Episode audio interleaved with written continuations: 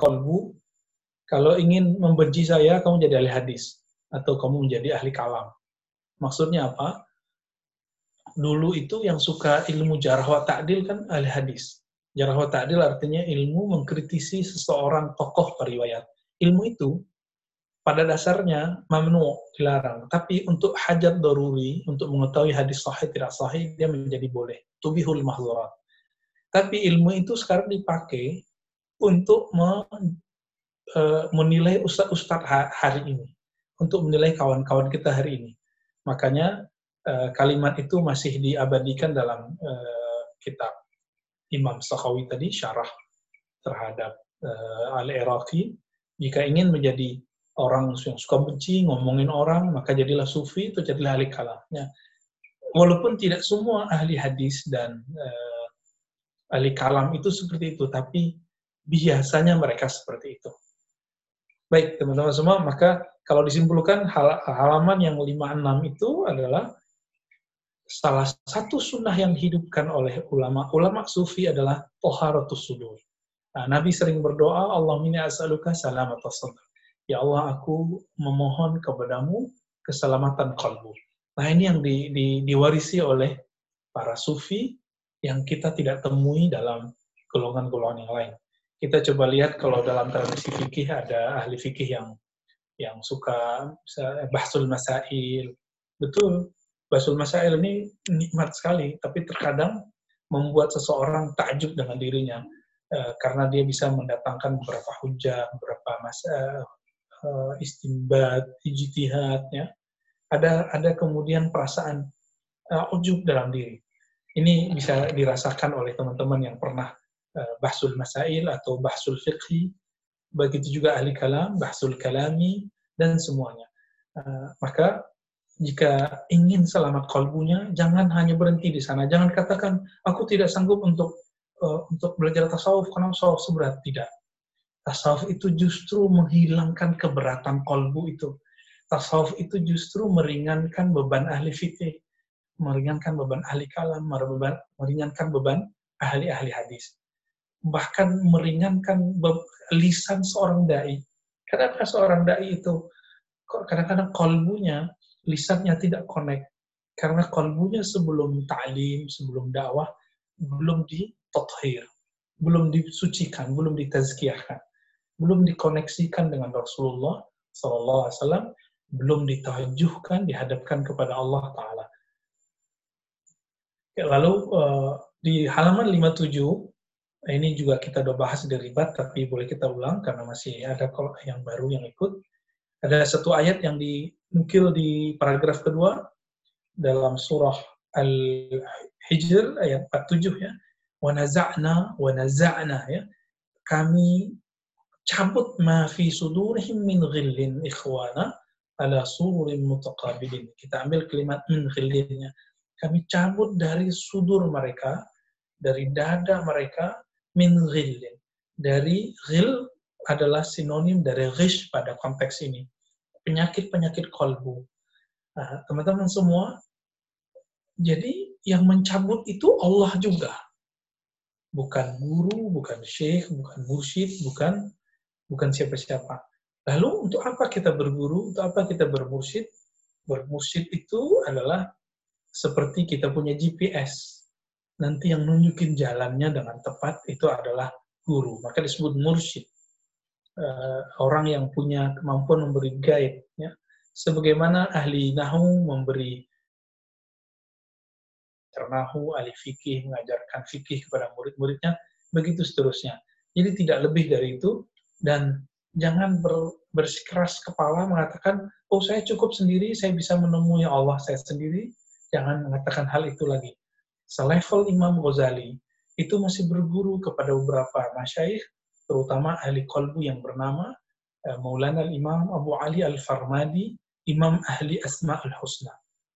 Selevel Imam Ghazali masih berguru, padahal beliau telah punya karya banyak saat itu, telah terkenal di mana-mana, punya kitab Al-Mustasfa. Coba tandingin dulu Mustasfa Imam Ghazali, kalau mampu silakan mengatakan saya lebih hebat dari Ghazali, saya nggak perlu berguru. Ya, baik. Lalu di paragraf setelah ayat itu beliau mengatakan qala Abu Hafs Abu Hasaf adalah, adalah pengarang kitab ini kaifa yabqa al-ghil fi qulubi fi qulubin i'talafat billahi tabaraka ta'ala bagaimana mungkin uh, tersisa ghil penyakit kolbu keburukan-keburukan di kolbu sedangkan uh, di kolbu itu telah ada iktilaf. Iktilaf itu artinya kesesuaian dengan jalan Allah. Boleh disebut juga iktilafat itu dia telah jinak, telah mesra dengan Allah Ta'ala. Wattafaqat ala mahabbatihi dan mahabbahnya telah nyambung, telah connect kepada Allah, wajittama'at ala mawaddatihi wa anisat bidhikrihi. Eh, dan telah berkumpul dalam mawaddahnya, dalam uh, cintanya, dan telah mesra, telah jinak dalam zikirnya. Lalu beliau mengatakan inna tilka uh, qulubun safiyah min hawajisin nufus wa zulumati tabai. Jadi kolbu yang begitu itu adalah kolbu yang safi, kolbu yang telah bening, terbebas dari hawajid nufus, dari gejolak-gejolak jiwa dan zulumat tabai dan keburukan tabiat-tabiat. Teman-teman semua, roh kita semuanya pada dasarnya suci. Nah, namun, roh itu ketika diutus ke dunia, ditiupkan ke tubuh ini, di tubuh kita ada sifat-sifat nafsiyah eh, dan sifat-sifat uh, tabi'iyah yang yang sangat gelap, yang yang membuat roh itu kemudian terpenjara. Maka Nabi menyebut dunia sijnul mu'min, dunia tempat tubuh ini tempat roh sedang terkurung ini adalah penjara bagi mukmin. Nah, maka teman-teman semua, fasal, uh, fal, uh, di sini dikatakan, kita ringkas saja ya, uh, ciri-ciri pembeda abadi antara sufi dengan ilmu-ilmu yang lain adalah bagian yang ini, yaitu kulub, kulub yang safi ya, kalbu yang safi. Tapi tolong dibedakan ilmu tasawuf dengan uh, tatbik pengamalan tasawuf. Semoga yang kita bahas saat ini, pagi ini, adalah ilmu tasawuf yang mengarah kepada pengamalan tasawuf. Bukan hanya sekedar teori. Karena teori datang dari uh, teori pikiran, turunnya pun hanya ke pikiran, tidak turun ke kalbu. Lalu uh, di ayat uh, setelahnya, itu surat Al-Hasyr, uh, surat, uh, bukan ya, ini surah Al-Imran, Kul in kuntum Allah fattabi'uni. Uh, jika kamu cinta kepada Allah, maka ikutilah aku. Yuhibbukumullah. Uh, di ribat kita pernah bahas, saya, ulang saja. Jika kamu tuhibbun Allah, mencintai Allah, maka ikutilah jalanku. Yuhibbukumullah. Maka niscaya Allah mencintaimu teman-teman semua, ini orang sering baca ayat ini tapi melupakan spirit dari ayat ini. Apa spirit utama dari ayat ini? Spirit utamanya hanya satu, al-mahabbah.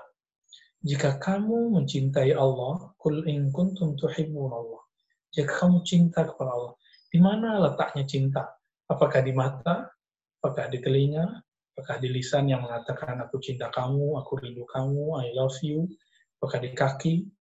Apakah di eh, mohon maaf di, ke, di kemaluan kita tidak. Apakah di duit, di dompet tidak. Al-mahabbat itu ada di sudur, ada di di sudur. Sudur itu jamak dari sadar, sudah menjadi bahasa Indonesia sadar. Tapi kata sadar dalam bahasa Indonesia telah mempunyai makna sendiri yang berbeda dengan sudur, yang berarti sumber dari eh, atau tempat kolbu kita bersemayam. Maka beliau mengatakan, ja'ala mutaba'at Rasul SAW ayat mahabbatil abdi rabbah.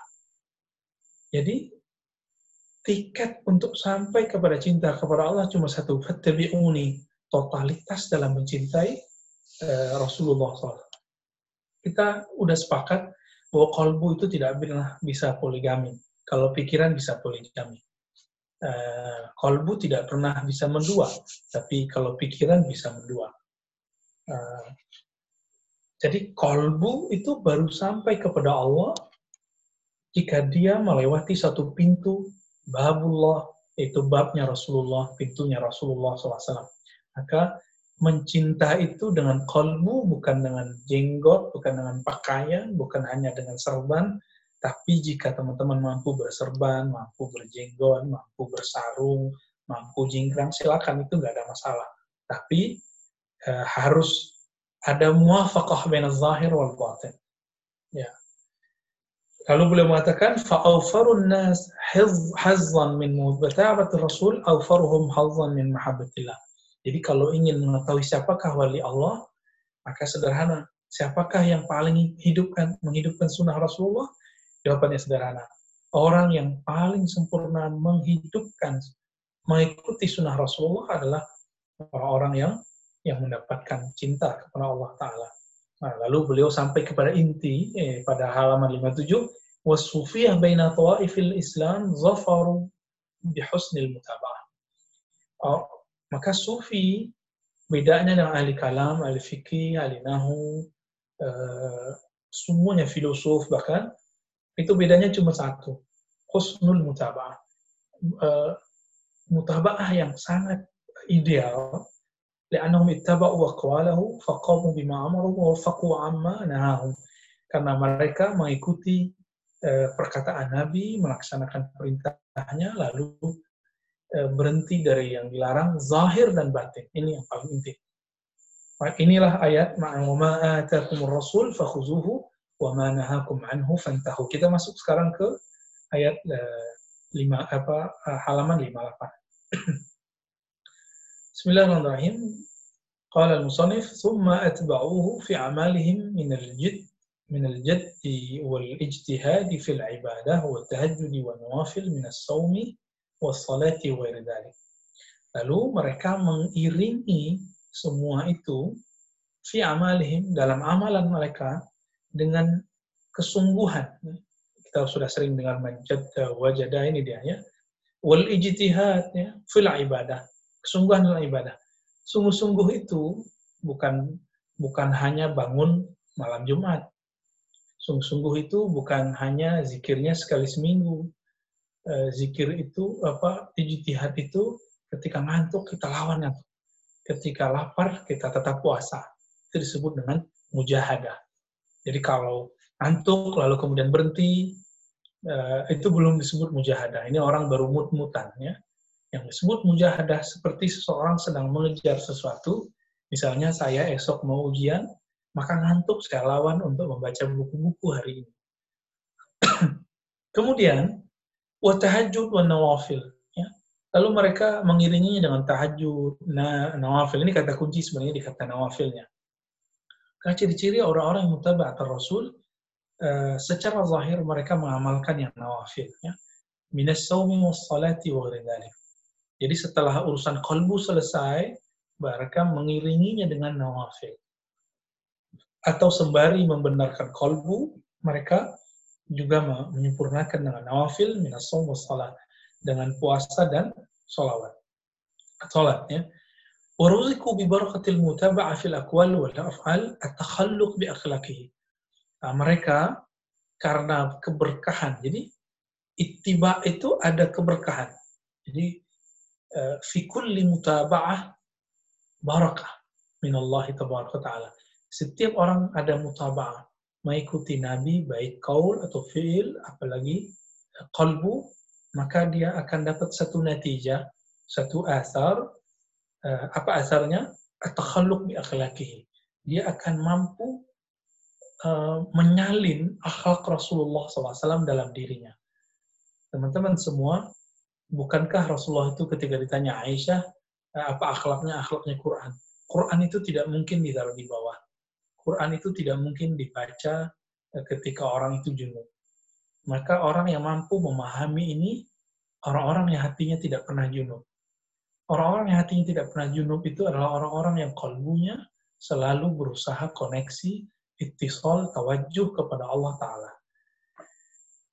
Nah, apa akhlak yang kemudian disalin oleh orang ini, yang kemudian muncul kepada orang ini tanpa itihad dan hulul ya? Tanpa itihad dan hulul. Apa itu? Al-haya wal-hilm wal-safhu wal-afu wal-ra'fatu wal-syafaqa wal-madara wal-nasiha wa tawadu. Ini banyak sekali. Karena dan sifat-sifat ini sebenarnya uh, disyarah oleh Imam Ghazali. Siapa yang ingin memahami apa itu haya, hilm, safa, afu, rafa, syafaqah, madarah, nasihat, tawadu, silahkan dibuka karya beliau ya.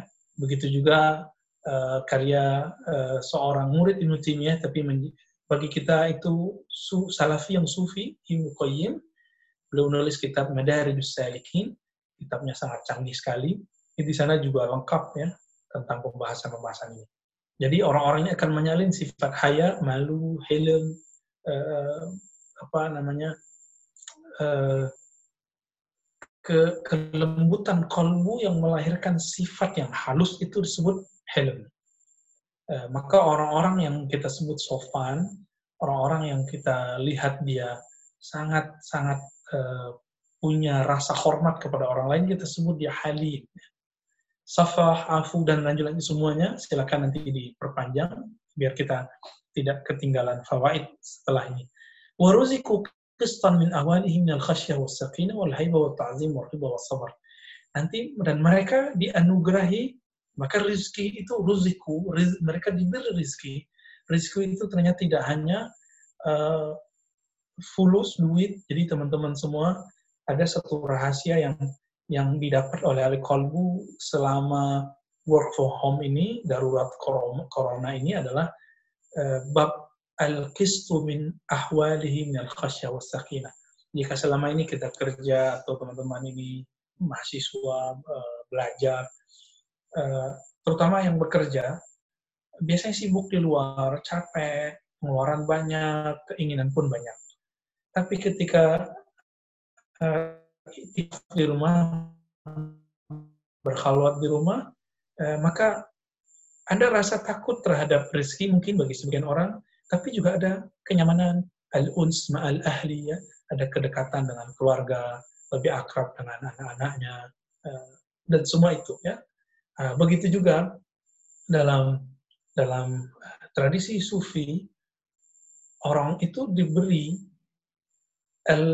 al-i'tidal jadi semacam apa istilahnya? I'tidal keseimbangan antara khasyah antara rasa takut dan rasa tenang antara hibah dan ta'zim ridha dan sabar zuhud dan tawakal fastaufu bijami'a fastaufu jami'a aqsamil maka mereka kemudian mampu menyempurnakan semua mutaba'at wa ahya sunnatahu bi aqsal ghayat lalu mereka menghidupkan sunnahnya dengan uh, uh, aqsal ghayat dengan tujuan yang lebih jauh uh, satu kali Abdul Wahid ibn Zaid ditanya, mana sufiyah anka? Siapakah yang kamu sebut sufi? apakah sufi itu orang-orang yang yang bertasbih ke mana-mana? Oh iya, itu ciri zahir. Bersorban, iya. Bersarung, iya, itu ciri zahir. Uh, lidahnya komat kami terus, betul, ya. Namun, apa yang kata beliau? Jadi setiap ulama-ulama al kalbu itu ketika ditanya tentang suatu definisi, dia jawab dengan ahwal yang dia dapatkan. Nah, ini beda antara ahli kalam, faqih, dan ilmu-ilmu yang lain. Kalau dalam fikih eh, definisinya sudah sudah sudah jelas, sudah wadai. Jadi tarifnya sudah tarif haddi ya sudah jelas batasannya ini. Tapi bagi sufi, takrif itu ada takrif yang telah eh, yang haddi, eh, ada takrif yang yang sifatnya adalah berdasarkan ahwal, berdasarkan eh, pengalaman pribadi. Nah, beliau menjawab, As-sufiyah al-qa'imun bi'ukulihim ala fahmi sunnah. Orang-orang yang qa'imun, yang menjalankan bi'ukulihim dengan akal mereka, mereka apa itu dalam memahami sunnah. Jadi orang-orang yang menggunakan akal mereka untuk memahami sunnah. Wal aqifuna tapi tidak cukup karena kalau baru qaimun biukulihim ini hmm. adalah orang-orang ahli fikih, usul fikih dan ahli kalam dan ahli hadis ya. Wal aqifu ma'aliha biqulubihim. Lalu apa yang mereka lakukan? Aqifun uh, aqifuna 'alaiha biqulub. Jadi apa yang dia pahami itu kemudian dia terapkan, dia amalkan dengan kalbunya wal mu'tasimun bisaidihim min syarri nufusihim hum sufia. Lalu mereka berlindung dengan penghulu mereka dari syarri nufusihim. Tapi sayyid di sini artinya adalah uh, Rob, ya, uh, Tuhan Allah Taala dari keburukan diri mereka hum sufia. Jadi mereka walaupun sudah uh, menggunakan akalnya, sudah menerapkan dengan kalbunya, tapi tidak tidak GR gitu. Tapi selalu berlindung dengan kalbunya eh, eh, kepada Allah Ta'ala dari keburukan diri mereka sendiri. Maka teman-teman, torikoh itu terbagi dua. Ada torikoh rohani, ada torikoh nafsiyah. Ya. Torikoh yang hanya mengurus uh, kol, uh, masalah nafs. Tapi ada torikoh yang kemudian mengkoneksikan seseorang langsung kepada Allah Ta'ala. Wahada wasfun tam wasafahum bihi. Ini adalah sifat yang ideal, tam, itu kita terjemahkan bukan sempurna, tapi ideal, yang dijelaskan oleh Abdul Wahid ibn Zaid. Ya. Fakana Rasulullah SAW daimal iftiqar ila maulah hatta yaqul la taqilni ila nafsi tarfata'in. Bayangkan, selevel Rasulullah SAW dalam hadis-hadis yang sahih, yang kita abadikan dalam doa-doa wirid kita, wiridul latif dan doa-doa yang lain, beliau berdoa, la takilni ila nafsi tarfata'in. Eh, jangan biarkan aku uh, uh, kepada nafsku, kepada diriku sendiri, meskipun hanya tarfata'in. Meskipun hanya sekejap mata, sekerdik mata. Uh, Imam Abdul Hasan Syazili dalam Hizbul Bar itu menyebutkan lebih dahsyat lagi. Wala aqal min dhalika ya Rab. Uh, bahkan lebih sedikit dari itu jangan engkau biarkan kami terlepas kepada uh, diri kami ya Allah. Ikla'ni kala'atal walid. Maka ambillah kami, rangkullah kami ya Allah seperti uh, orang tua merangkul anaknya. Uh, wa min ashrafi ma zafara bihi sufi min mutaba'ati Rasulullah SAW hadha al-wasfu wa huwa dawamul iftikar wa dawamul iltija. Nah ini poin terpenting di halaman ini. Jadi meskipun sufi itu berusaha untuk mengamalkan sunnah Nabi, meskipun sufi mengamalkan uh, zahir batinnya ajaran Nabi SAW, tapi mereka tidak pernah dikira merasa paling benar, tapi mereka selalu mengatakan, Ya Rob, tolong bantu aku, jangan biarkan aku uh, diurus oleh nafsku sendiri, tapi biarkanlah engkau sendiri yang mengurusku. Ya, inilah disebut dawamul iftikar, rasa bergantung yang dawam dalam kolbu kepada Allah Ta'ala. Orang-orang ini disebut dengan abdun somadaniyun, hamba yang bergantung kepada Allah, sebagaimana disebutkan oleh Imam Al-Ghazali dalam Iya Ulumuddin. Tapi hati-hati, cetakan Iya Ulumuddin itu berbagai macam. Cetakan yang saya punya, itu cetakan uh, Darul Hadis, ya, itu ditahkik oleh seseorang namanya Said Ali Imran, tapi dia tidak faham mustalah sufi, eh, dan dia ketika sampai kepada mustalah Somadani, dia kemudian eh, mengata-ngatai Imam Ghazali. Apa kata dia? Ini ini ajaran hulul ittihad, ini ajaran sesat. Ya. Itu dia tulis di, di hamisnya, di footnote-nya. Ini orang tidak faham apa-apa, tapi dia mengatai orang-orang. Teman-teman semua, jika ini terjadi pada muhakkik, Eh, pada orang-orang yang disebut ahli tahqiq, apalagi pada orang-orang yang tidak ahli tahqiq. Nah, kita harap teman-teman kita semua jauh dari sifat ini. ولا يتحقق بهذا الوصف من صدق الافتقار إلا عبد كشف باطنه بصفاء المعرفة. Tidak mungkin seseorang uh, mempunyai rasa harap yang abadi, yang dawam, artinya rasa ketergantungan kepada Allah yang yang dawam. Inilah di dalamnya ada sifat khauf, sifat khasyah kepada Allah. Uh, yang bercampur dengan rasa raja, harap. Ada rasa takut jika nanti berubah, tapi juga ada rasa harap Allah tentu lebih baik. Bayangkan, nah ini ini logika yang diterapkan pada rohani Imam Abu Hasan Syadili. Apa kata beliau? Ya Allah, jika engkau sangat baik kepada hamba yang tidak taat kepadamu, apatah lagi kepada kami yang sedang berusaha taat kepadamu. Tolong ya Allah, lakukan itu lebih baik. Ya, semacam bermunajat, bermanja-manja kepada Allah Ta'ala. Apa kata beliau?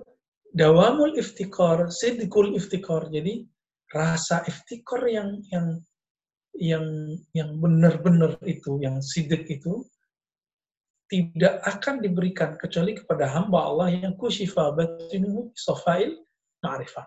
Yang dibukakan, yang dikasyafkan batinnya dengan uh, ma'rifat yang bening. Teman-teman semua, kasyaf itu ada dua. Ada kashful uyub, ada kashful uyub. Ada kasyaf penyingkapan alam gaib. Ada yang kedua, ada penyingkapan aib. Uh, bagi seorang sufi, bagi seorang pengamal sunnah Nabi yang batin, terbukanya aib kalbu, aib jiwa di hadapan Allah, di hadapan diri sendiri, itu lebih baik daripada kashful huyub, daripada tersingkapnya uh, alam alam langit dan bumi. Kenapa? Karena Ibnu Sayyad atau Ibnu Said, bahkan juga Dajjal, bahkan juga dukun-dukun, itu diberi kasyaf oleh Allah Ta'ala. Kasyaf yang gaib-gaib. Tapi apakah mereka jadi benar dengan itu? Dalam hadis Bukhari dikatakan Ibnu Sayyad mengatakan Ra'aitu arsy rabbi fa'ana Rasulullah. Kira-kira seperti itu lafaznya. Aku melihat aras Rabbku, maka aku adalah Rasulullah. Engkau Muhammad, engkau Rasulullah, aku juga Rasulullah. Itu kata dari Ibnu Sayyid atau Ibnu Sa'id. Uh, orang ini diberi kasyaf, tapi dia kemudian tidak diberi dawamul iftikar, sehingga dia merasa dirinya seorang yang wali, seorang uh, rasul, seorang nabi. Uh, saya menemukan fenomena ini dalam tradisi baik ahli fikih, ahli kalam, bahkan orang-orang torekot yang tidak sampai kepada uh, jalan rohani dawamul iftikar. Uh, merasa diri telah mursyid, berijazah tarekat telah banyak, berijazah hadis beribu, uh, ahli fikih mampu debat, mampu membaca teks-teks kalam yang rumit. Maka ketika ada orang membahas apa yang dia bahas, dia ada rasa iri. Hati-hati, rahmat Allah itu luas. Ilmu Allah itu luas. Jika ada orang membahas ilmu yang kita kuasai, katakan, ya Alhamdulillah ya Allah, tugasku berkurang. Bukan malah kemudian merasa tersaingi. Uh, ini seharusnya yang yang muncul pada kolbu kolbu yang sofi yang punya ma'rifah wa asyaraqa ya, sadrahu bi nuril yakin dan kalbunya bersinar dengan nur yakin. Yakin itu adalah buah dari iman yang dia tidak bertambah dan tidak berkurang. Yang bertambah cuma mazahirnya. Uh, misalnya amalannya bertambah, yang uh, zikirnya bertambah, tahajudnya bertambah, puasanya bertambah. Tapi kalau yakin tidak boleh bertambah tak yakin itu sebagaimana awalnya dia begitu aja. Wa khallasa qalbahu ila bisatul qurbi. Lalu membersihkan kalbunya sehingga sampai kepada uh, hadrah ke kedekatan Allah taala. Ya, hamparan kedekatan kepada Allah taala. Wa khala sirrahu bila zalatil mustamarah fabaqiyat uh, nafsuhu baina hadhihi al-ashya' kulluha asiratan mahmurah. Maka kemudian sirnya menjauh ya dari kelezatan-kelezatan uh, bercengkrama dengan alam, bercengkrama dengan sesama, uh, ya ngopi apa itu ya. Uh, kita kan senang ngumpul. Tapi ingat teman-teman, jika orang-orang hari ini suka berkumpul untuk menyebut nama Allah, nanti di akhirat mereka akan dikumpulkan di tempat yang lebih mulia untuk menyebut hal-hal yang sama. Uh, sebenarnya roh kita yang suka ngaji hari ini, yang suka ngumpul-ngumpul hari ini, itu hanya mengulang apa yang terjadi di alam rohani. Wow. Uh, maka beruntunglah teman-teman jika kita termasuk orang itu. Nabi mengatakan fakulun muyassarun lima khuliqalahu. Jika suatu roh itu emang telah Allah ciptakan untuk zikrullah, maka dia akan haus dengan kajian-kajian zikrullah. Jika roh itu memang Allah sengajakan untuk dipenjara oleh oleh oleh semua ini, semua alam ini, hawa nafsu ini, maka dia nggak nyaman dengan yang begini. Ya. Dia lebih nyaman yang disebut lazazatul musamarah. Ya. Baik, wa ma'a dhalika kullu kullihi yaraha ma'wa kulli syarr wa hiya bimusabati an-nar law bakiyat minha syararatun ahraqat 'aliman wa hiya ruju' sari'atul infilat wal inkilab. Teman-teman semua, jika dimaknai secara umum, uh, kolbu kemudian menjadi asirah makmurah, dia menjadi patuh terhadap perintah-perintah Allah. Wa kulli ma'wa kulli syar. Uh, orang yang telah dibukakan, dikasyafkan ini, maka orang ini tidak akan merasa dirinya suci, tidak merasa tidak merasa kolbunya ini adalah sumber dari cahaya, sumber dari kebaikan. Tapi dia mengatakan, aku ini, kolbuku ini, ma'wa kulli syar. Aku ini uh, adalah tempat semua keburukan wahia bimubsatin nar sampai akhir uh, kalimatnya ya. Fallahu ta'ala bikamali lutfihi arrafaha ila sufi. Dan Allah Ta'ala dengan kesempurnaan lutufnya, ya, uh, sifat dari namanya yaitu latif, maka sifatnya disebut lutuf. Kehalusannya, arrafaha ila sufi. Allah Ta'ala mengenalkannya kepada sufi. Wa kasyafaha lahu ala syai'in min ma'nan ma kasyafahu li Rasulullah SAW.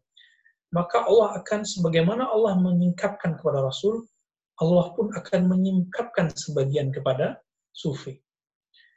Fahuwa daimul istighasah ila maulah min syariha. Oleh karena itu, seorang sufi, seorang yang yang ingin kalbunya safi, akan selalu minta minta tolong kepada Allah Taala. Uh, apa yang dibukakan Allah itu yang disebut tadi yang Nabi baca la takilni ila nafsi. Jangan biarkan aku kepada diriku sendiri, nafsi. Uh, ketika itu dibukakan kepada Rasulullah, lalu dibukakan juga kepada kepada sufi, maka saat itulah dia menjadi daimul istighasa ila rabbi. Dia selalu minta tolong kepada Allah Ta'ala. Wa ka'annaha eh, ju'ilat sautan lil abdi. Seakan-akan itu dijadikan cambuk bagi seorang hamba eh, tasukuhu lima arifati jika ku jadi ku anggaplah tubuh ini adalah kuda yang sedang di kita tunggangi jika dia tidak dilecut dengan saut ini maka dia tidak bergerak mencapai yang di depannya yaitu ma'rifatullah بشرها مع اللحظات إلى جناب الالتجاء وصدق الافتكار والدعاء فلا يخلو الصوفي عن مطالعتها أدنى الساعة maka buru-buru seorang sufi sibuk dengan aib orang dia sibuk dengan aib dirinya maka seseorang yang disebut wasil ilallah orang yang telah usul kepada Allah dia yang mutolaah kepada kalbunya dan tidak pernah lepas dari itu tidak pernah lepas dari itu Nah, tapi kalau sudah mulai sibuk dengan aib orang, mulai tahzir orang, ya, saya pun minta ampun kepada Allah jika pernah mentahzir orang dengan niat menunjukkan diri sendiri.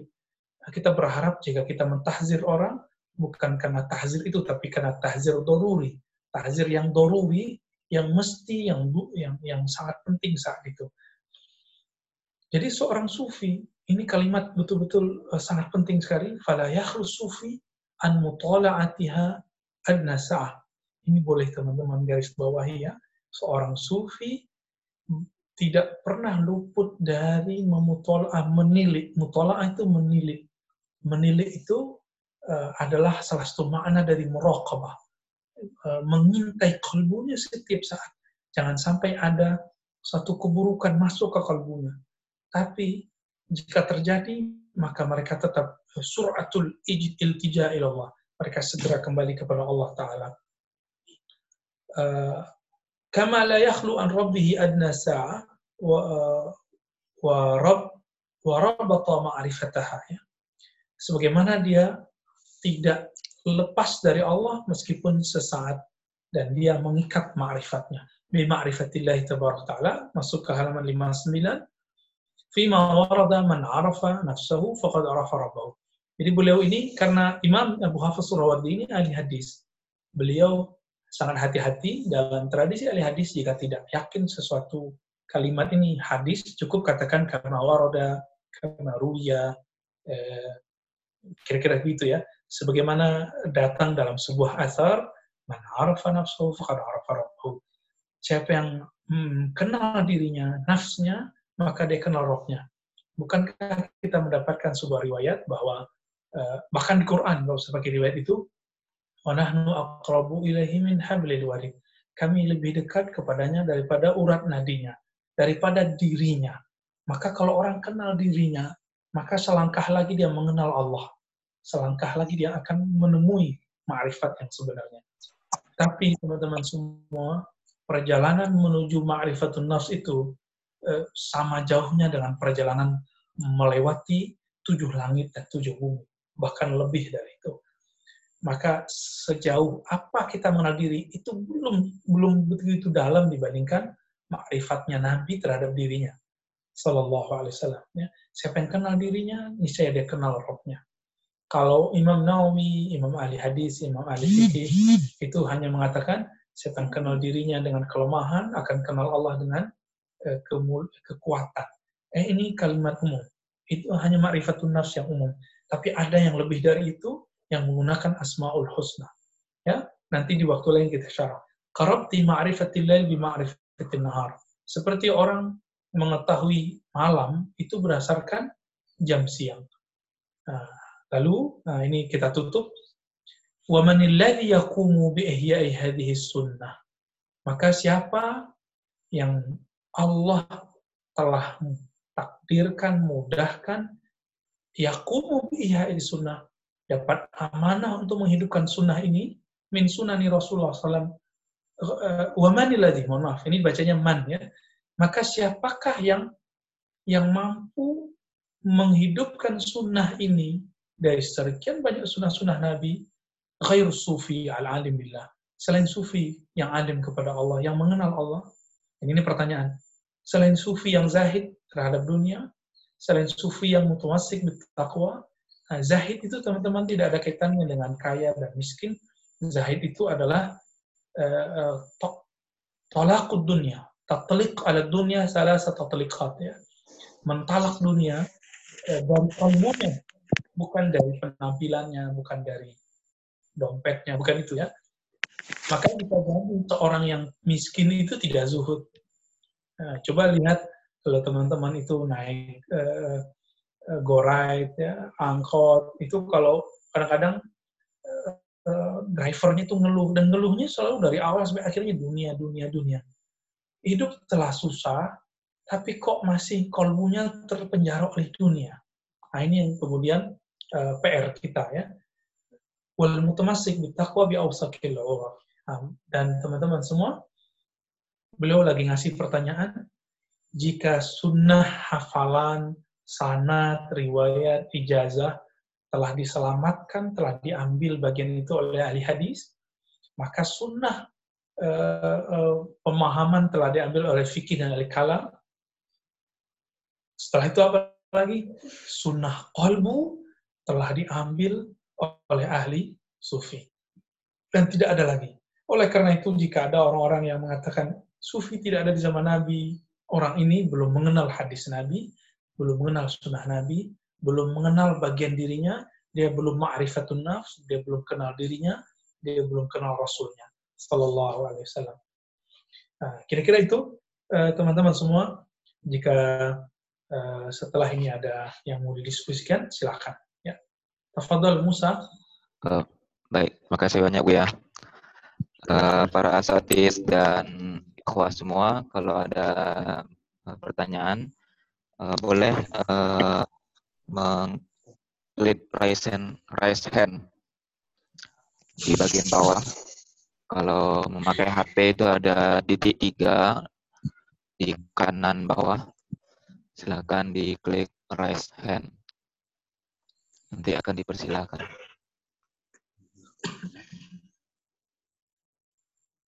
Menggunakan chat juga boleh nanti saya baca ya. Karena Musa hostnya. Ya boleh, pakai chat juga boleh.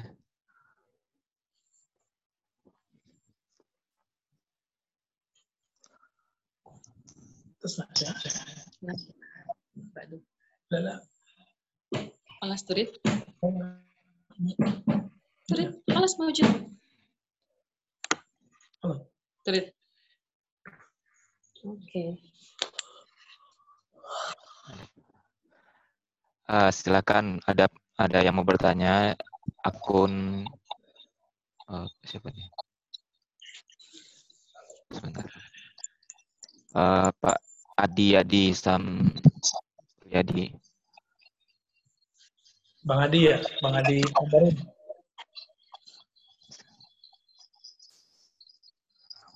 Aja Ustaz. Nanya kabar aja. Um, Kan Adi? halo. Ya, halo. Suaranya kedengaran. Halo. Assalamualaikum Ustaz. Assalamualaikum. Hmm, apa kabar Ustaz? Alhamdulillah baik. Hmm, ada cuma ini eh, menanya kabar aja Ustaz. Kebetulan eh, kami sedang ini dinas malam di ruangan isolasi. Jadi kebetulan bisa ini kebetulan belum ada Alhamdulillah. kebetulan belum ada pasiennya. Alhamdulillah. Semoga nggak ada pasiennya ya. Amin. Amin, Itu amin. cuman instruksinya kalau rumah sakit lain udah penuh akan dilempar ke sini. Semoga segera mereda, mereda dan ada dan Bang Adi dan teman-teman tidak kena virusnya. Virus yang lebih bahaya itu virus. Bu, ya. Ya, fadal. ya, itu aja Bu ya. Assalamualaikum warahmatullahi wabarakatuh. Assalamualaikum warahmatullahi wabarakatuh. Ya, semoga selamat bekerja ya. And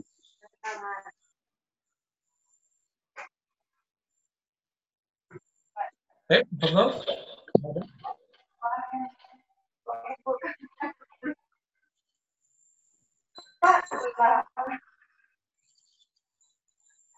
Eh, ini ada pertanyaan di eh, chat. Yang pertama, Ustadz, cara agar bisa tahu keadaan kolbu itu bagaimana? Ya, cara mengetahui keadaan kolbu itu mudah. Imam Ghazali dalam Ihya Ulumuddin, begitu juga dalam Mukhtasar Ihya Ulumuddin, itu gampang sekali menyebutkannya. Pertama, jadi ada tiga cara eh, dengan bimbingan mursyid. Sebagaimana seorang itu kalau sakit, dia badannya nggak enak. Seperti kita, kita kalau sholat nggak enak. Sholat itu kan makan rohani. Jadi cara ngecek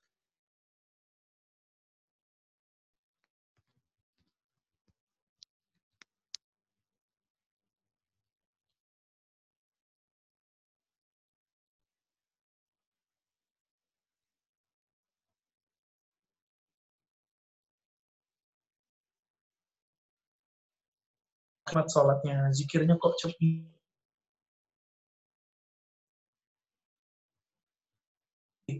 Itu nggak nyaman gitu, makan nggak nyaman, minum obat juga ogah-ogahan. Maka orang ini, kalau kita sakit, kita sepakat nggak? Kalau saya sakit, kita sakit, kita datang ke dokter. Kenapa kita tidak adil? Jika kolbu ini sakit, jika rohani ini sakit, kenapa nggak datang ke ahli kolbu?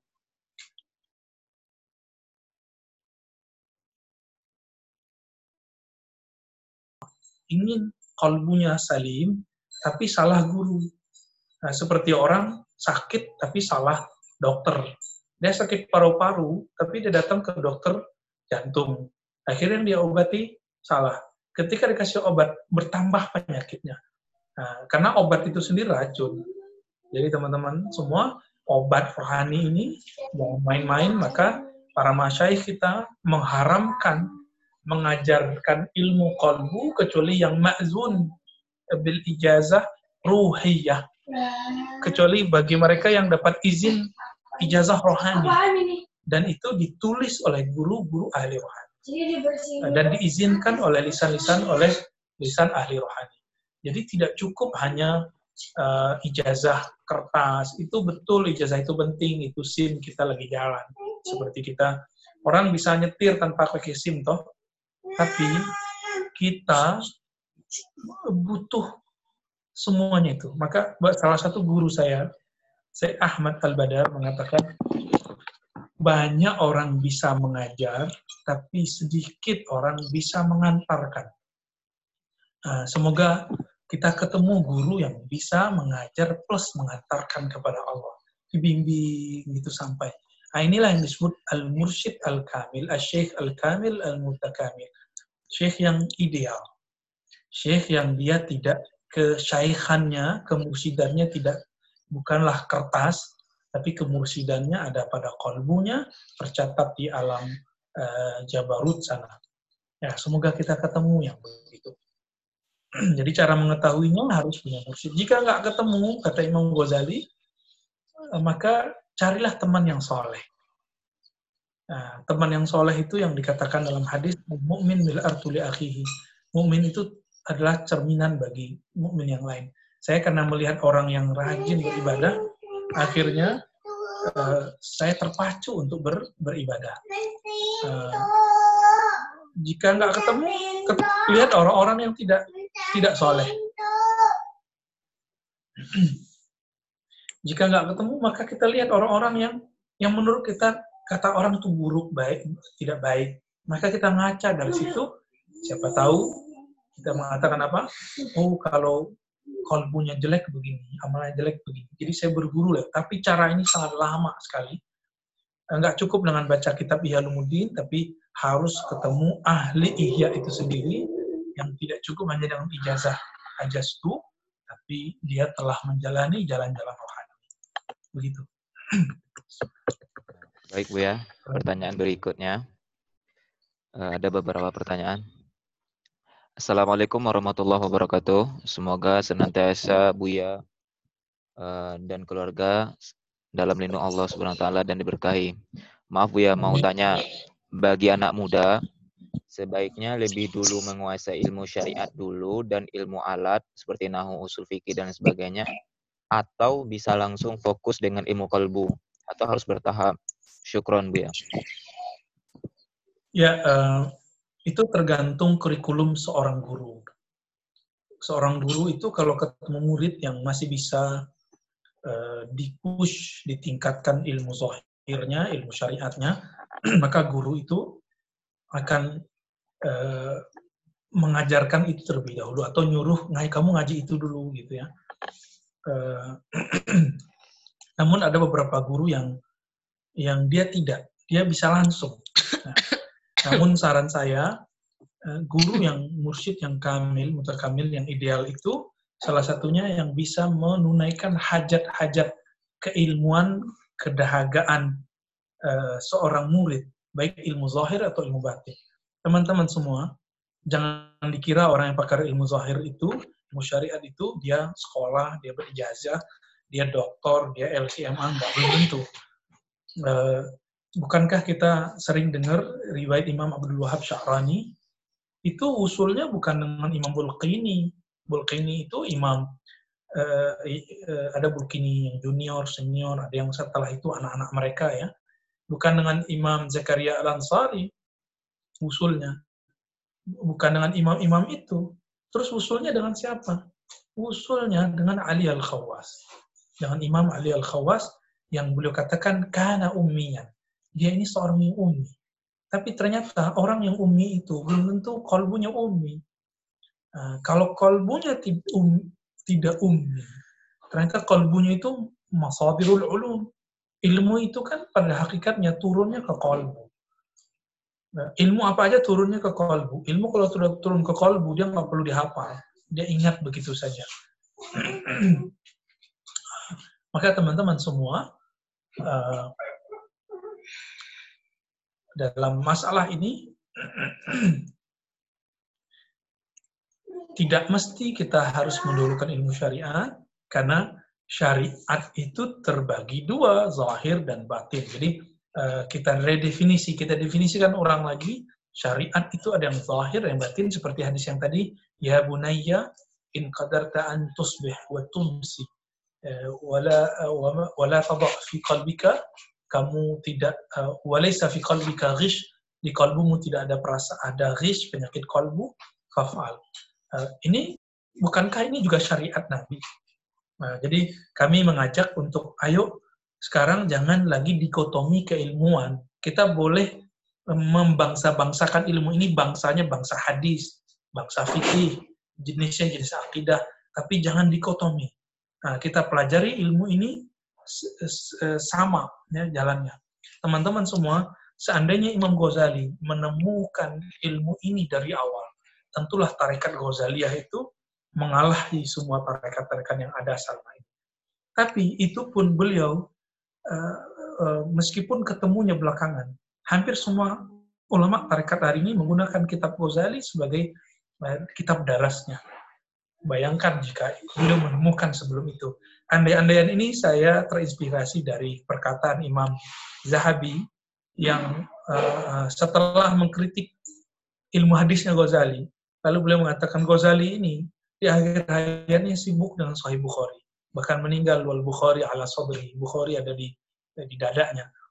Itu seandainya kata beliau, seandainya Bukhari itu lebih awal saja ketemu ilmu hadis, maka orang-orang kayak kami ini akan akan kelewat sama beliau. Jadi uh, akan sanggup mengejar kehebatan Ghazali. Karena Imam Ghazali uh, mampu melewati semua batas-batas yang tidak sanggup oleh semua ilmu-ilmu yang beliau ceritakan dalam kitab mungkin Dollar.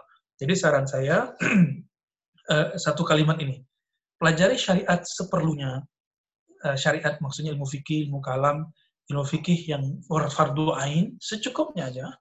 Lalu ilmu kalam seperlunya aja yang kira-kira bisa menghilangkan uh, zulumat afkar yang mujassimah dan mu'attilah yang bisa menghindari kita dari pemikiran-pemikiran tajsim, Allah bertempat, Allah begini, Allah begini, ataupun yang mu'attilah versi mu'tazilah yang men, yang menafikan sifat Allah, udah udah beres itu langsung belajar tasawuf. Gitu ya. Jadi cukup dengan akidatul awam, cukup dengan mata takrib itu orang sudah sudah ready sebenarnya, sudah musta'id untuk belajar ilmu kalbu. Ya, begitu. Itu tadi pertanyaan dari Miftahul Huda. Uh, pertanyaan selanjutnya datang dari Muhammad Difa Al-Haq. Uh, Ustazi, kulun muyassarun lima khuliqalah. Uh, saya masih kurang paham terhadap hal ini, Ustaz. Kalau memang Allah menciptakan manusia hanyalah untuk beribadah untuknya, juga di mana ruh kita semua telah bersaksi. Namun mengapa masih ada ibadahnya masih berat dan perlu Syukron Ustaz.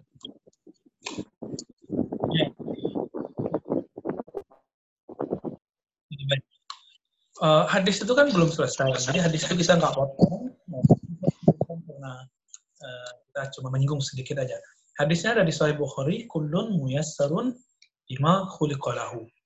Seseorang jika ahli surga dimudahkan untuk amal surga, kan itu ya. jika ahli neraka, maka dia akan lebih mudah amal-amal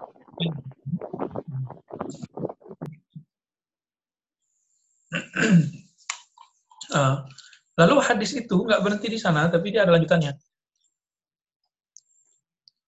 Ya, alu ya di depannya di depannya ada. Ya, mohon maaf, di depannya itu ada ketinggalan kalimat ya malu fakulun yasarul lima khuliqalahu. Jadi hadis itu menjelaskan ada dialog Nabi dengan sahabat. Nabi menyebutkan ahli surga akan akan dimudahkan ke surga, ahli neraka dimudahkan ke surga. Lalu sahabat bertanya, persis seperti Diva tadi bertanya. Jadi sebenarnya zaman-zaman itu telah berulang lagi hari ini. Uh, ya, uh, sahabat bertanya, Fafi malam ya Rasulullah. Ini pertanyaan polos para sahabat. Kalau gitu untuk apa kita beramal, wahai Rasulullah? Nah justru itu jawabannya. Jawabannya apa? Jika benar kamu ahli surga, kamu harus berusaha untuk beramal surga. Ya malu fakullun muyassarun kalau kamu beramal karena seorang ahli surga akan berusaha untuk jadi ahli surga. Gitu. Seperti saya gini, saya yakin nih, saya akan dapat gelar S1 apa. Maka saya akan, karena saya merasa sanggup atau pantas sudah dapat gelar itu, saya akan pontang-panting siang malam nulis eh, tesis atau disertasi atau eh, skripsi gitu. Kira-kira begitu. Karena ada perasaan aku adalah orang yang pantas dapat itu. Kita merasa pantas tapi kita diam-diam aja. Ini namanya bukan bukan al-amal tapi bil bil hamzah ya al-amal cuma angan-angan. Jadi Nabi tidak mengatakan fa'malu berangan-anganlah kamu, tapi Nabi mengatakan fa'malu. Nah, jadi kata kuncinya ada di hadis itu sendiri. Hadis itu justru sedang balancing, uh, uh, sedang me, apa namanya menyeimbangkan antara paradigma zahir dengan batin. Se dalam ilmu hakikat, sebelum Allah ciptakan alam ini, Allah, ini pertanyaan buat Diva dan lain-lain juga, Allah sudah tahu belum kalau Diva, saya, ini ada surga atau neraka? Sudah. Sudah tahu semua. Nah, jadi Nabi lagi ngomong, semua ahli surga, semua ahli neraka, itu sudah ditetapkan oleh Allah dalam ilmu yang qadim. Nah, secara ilmu akidah, jika Allah tidak tetapkan dalam ilmu yang qadim, maka akan muncul pertanyaan, akan ada perubahan atau yang kedua, perubahan dalam ilmu qadim atau yang kedua apa? Kalau begitu berarti ilmu Allah itu gak beda dengan ilmu kita. Allah itu baru tahu seseorang ahli surga kalau dia beramal di surga. Berarti sebelum dia beramal Allah nggak tahu. Kan gitu. Nah ini bahaya. Ini syubhatnya Qadariyah. Jadi hadis ini sedang mengajarkan kepada kita uh, al-iktisad bainal qadari uh, wal jabari ya.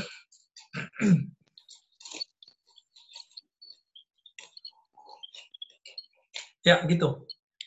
Uh, baik Bu ya. Assalamualaikum Bu ya. Masih ada beberapa Salam. Assalamualaikum Bu ya. Yang bertanya silakan angkat tangan dulu. Ada antrian pertanyaan. Maaf, yang punya akun Galaxy A3 2016. Oh ya, antri aja dulu ya, ikutin hostnya dulu. Ya, Ustaz ada Musta. Ada yang angkat tangan juga. Ada eh, pertanyaan di chat juga. Ah, baik. Ya, diatur Musa. Ya. Pertanyaan datang dari eh, Ridwan Arif. Ketika kita akan beramal, tapi ada was-was yang mengarahkan kepada ria atau sum'ah. Bagaimana solusinya?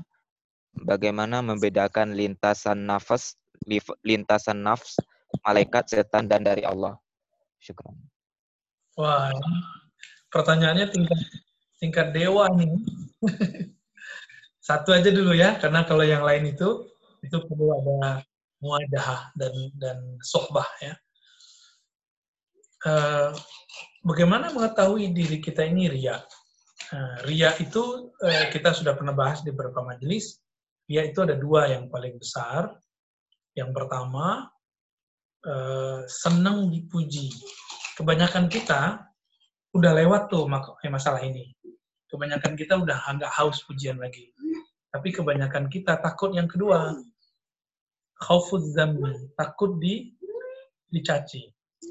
Contohnya gini, pakai tasbih udah nggak pengen disebut sufi lagi. Tapi beberapa kawan saya nggak mau lagi pakai tasbih. Kenapa? Takut disebut ria, gitu. Takut disebut ria itu ria. Ingin berarti kebalikannya apa? Saya ingin disebut ikhlas dengan tidak pakai tasbih. Di ajunan, di ajunan. gitu ya, itu sederhananya. Jadi untuk mengetahuinya gimana? Nah, silakan dibuat semacam diagnosa. Saya ini lagi harap pujian atau takut dicaci. Nah, dia, dia levelnya itu agak mirip-mirip. Nah, karena dia dari asal katanya sama dengan ro'a, merasa ingin dipandang orang sebagai orang ikhlas. Nah, maka ada riya firriya. Ada riya fi adamir riya. ya. Ada riya dalam riya, ada riya dalam merasa tidak riya. Eh, oleh karena itu kalimat yang masyhur dari Maulana al-Imam Zunun al-Misri eh, mengamalkan mening, tarkul amal khaufar riya riya meninggalkan amal karena takut riya itu juga riya.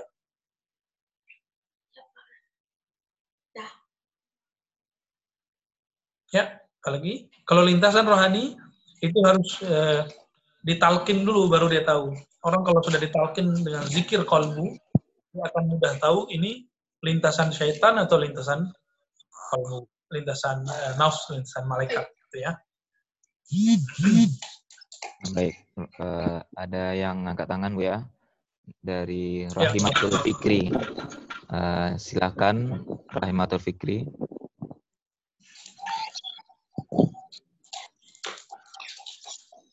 Ya.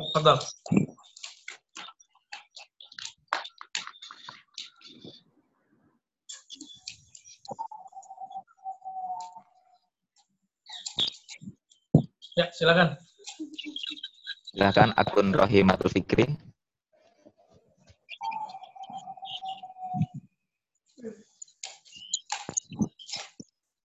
Skip, skip. Oke, kita skip. Assalamualaikum Buya. Pulang. ya, silakan akun Assalamualaikum itu? Waalaikumsalam warahmatullahi wabarakatuh. Eh, saya Romi mau bertanya mudah-mudahan eh, sebelumnya mudah-mudahan Allah mengasih kesehatan sama Buya dan keluarga. Buya diberi umur panjang dan selalu membimbing kami ke jalan yang diridhoi Allah.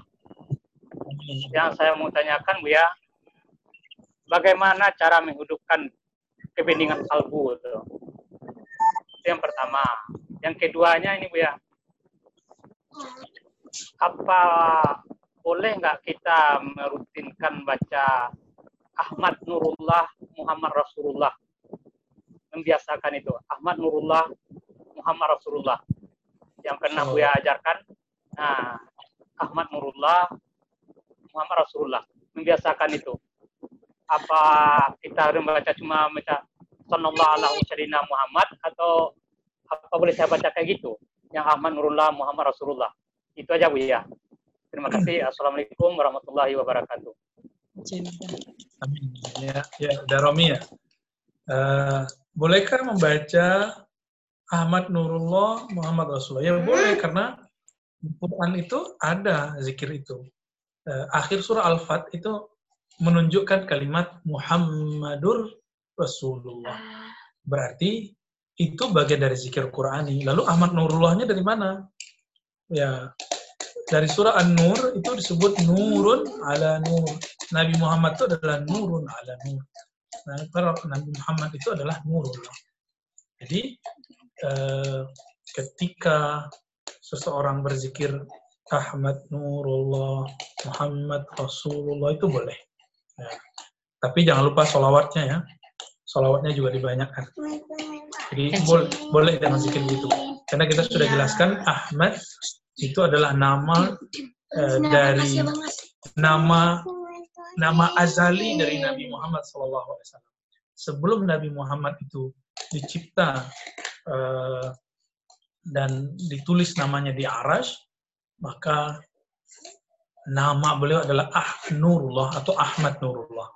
Nah, itu merupakan lanjutan dari ta'ayun Allah Ta'ala berta'ayun, ini istilah eh, khas, silakan nanti dicari kitabnya, uh, At-Tuffah ya, Al-Mursalah ila Ruhin Nabi SAW. Uh, dari hadiah ada di situ Ahmad ya. Ya jadi boleh berzikir begitu, tapi jangan lupa kirim Fatihah untuk silsilah uh, kita dan Nabi Muhammad SAW dan Nabi Khidir radhiyallahu taala alaihi salam ya. Dan uh, guru-guru kita yang lain radhiyallahu taala anhum ajmain. Itu Daromi, silakan. ya makasih banyak Bu ya Ya, Pertanyaan berikutnya datang dari eh, Ah- Ahmad Hidayat. Assalamualaikum Bu ya. Semoga senantiasa diberkahi. Bagaimana caranya agar kita tidak terperosok ke dalam lubang yang sama beberapa kali? Di mana kita sadar dalam satu hal saat kita merasa di hati lebih dari yang lain. eh, dan ini terjadi berulang-ulang. Jazakumullah khair sebelumnya. Ya. Kenapa? Betul ada hadis seorang mukmin tidak terjebak ke dalam satu lubang dua kali. Nah, tapi eh, kabar gembiranya adalah Allah itu tawab. Allah itu menyebut dirinya dengan mubalaghah. Tawab itu mubalaghah dari taib. Eh, tawab Artinya dia menerima orang yang tobat berkali-kali. Orang terjebak, balik lagi, terjebak, balik lagi gitu ya. Selama dia masih mau tobat, maka orang-orang ini akan dicatat oleh Allah dalam sijil nama tawabin, orang-orang yang tobat. Eh, maka tidak masalah eh, sebenarnya kalau kita memahami ini. Namun di bab diri kita mesti hati-hati dan ada rasa khauf. Tapi dalam bab rahmah kita harus ada bab ada rasa roja.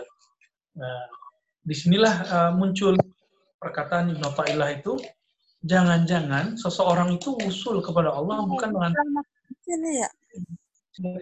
Ini bukan nyuruh maksiat loh ya.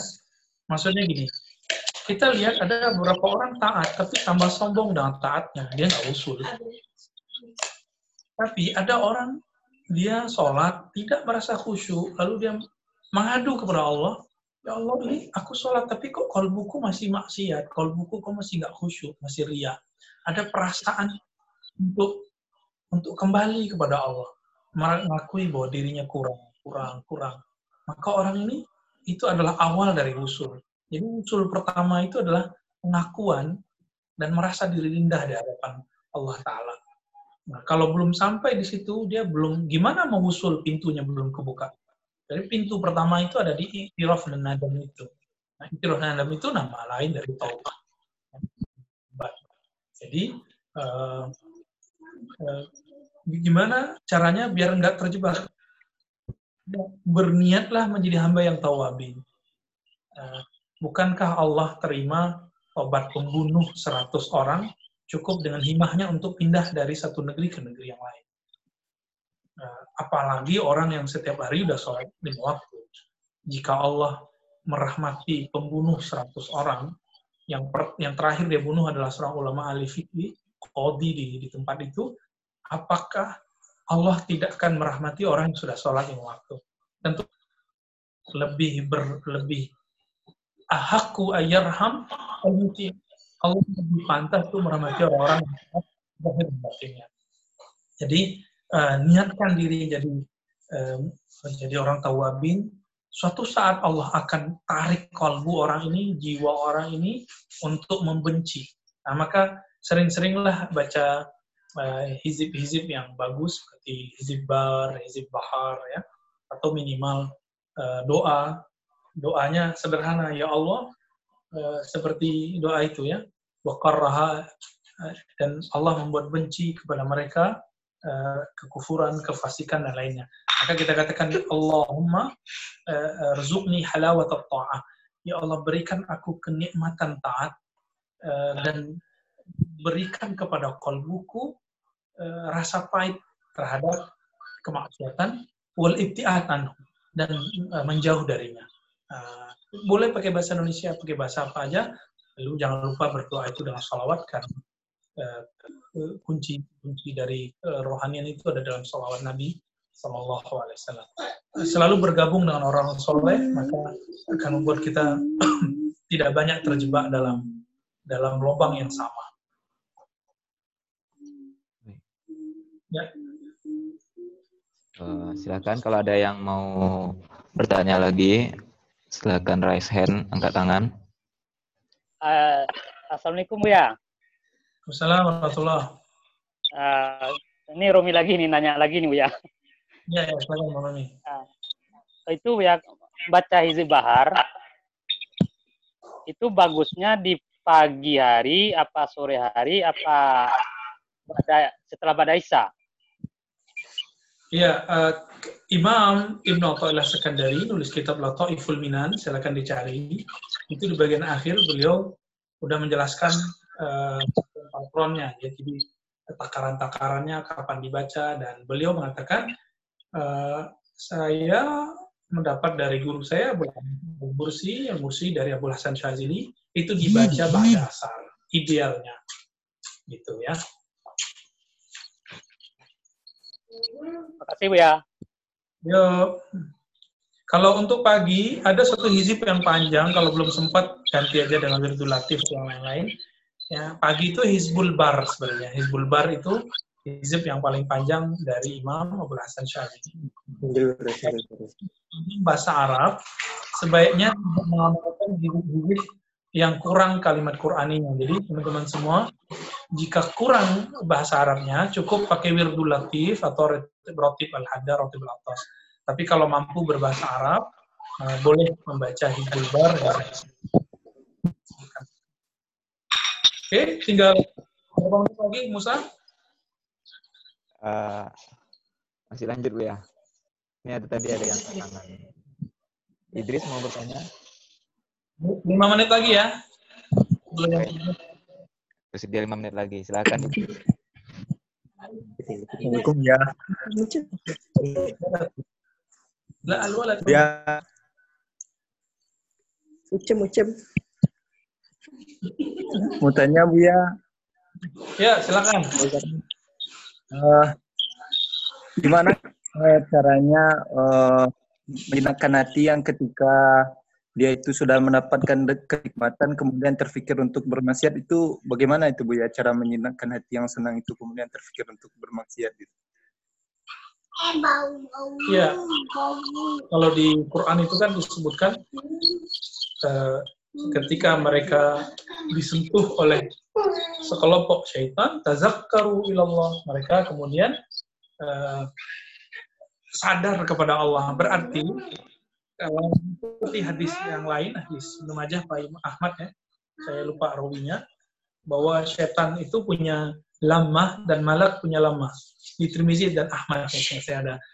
Uh, lamah itu belalai untuk untuk nyetrum kita, untuk uh, menarik kita. Jika orang zikir, maka lamahnya syaitan itu akan ditarik.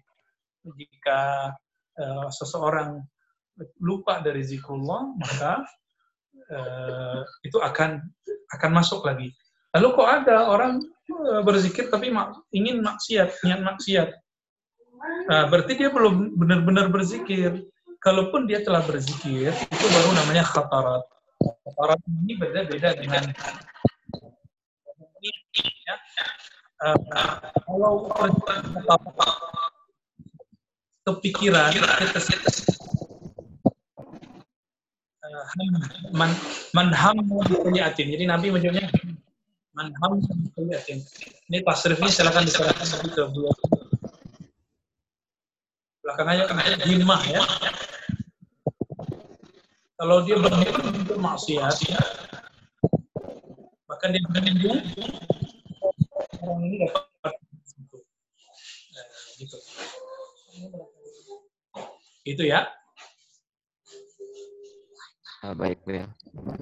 Uh, ya, ya, satu. Jadi ternyata ada yang bisa eh, suaranya balik, Musa mungkin ada yang ah, oke. Okay. Uh, jihadun nafs. Kita sudah sering baca hadis al-mujahidu man jahada hawa. Mujahid hakiki itu orang yang mampu berji, berjuang melawan hawanya. Jadi, nah coba perhatikan, bukankah hawa itu nyata dalam keadaan zikir? Itu udah jelas zikir nih, kok dia datang untuk menggoda kita.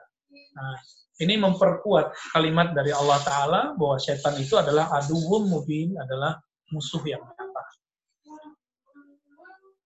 Oke, dua menit lagi Musa ya. Oke, closing statement gue ya.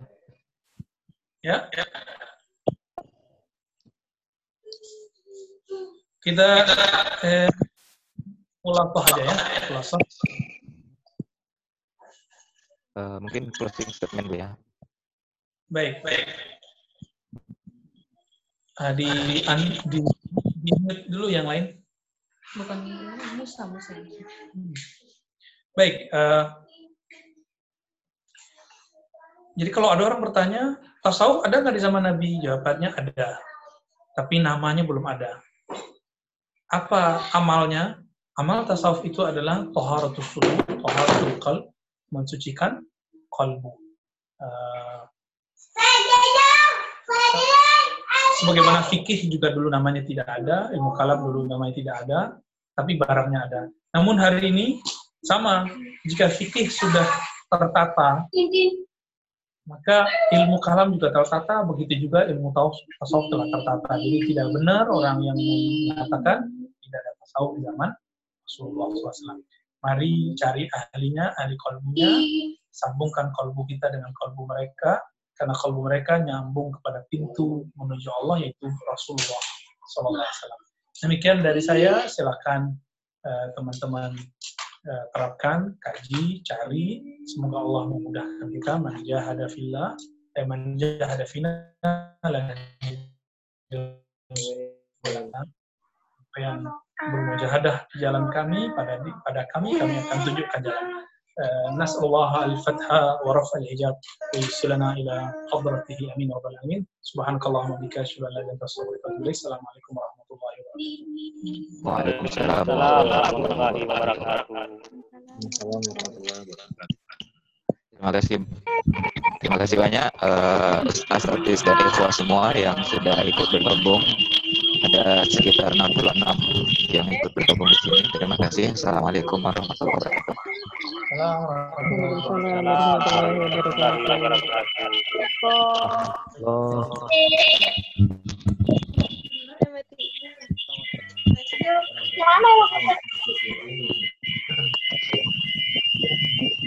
Bisa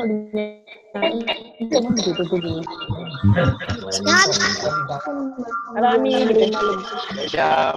halo Ami.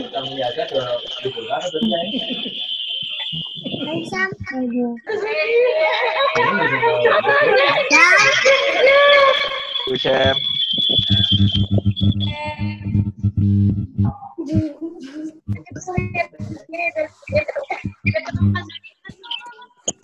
Bang Syam. Eh.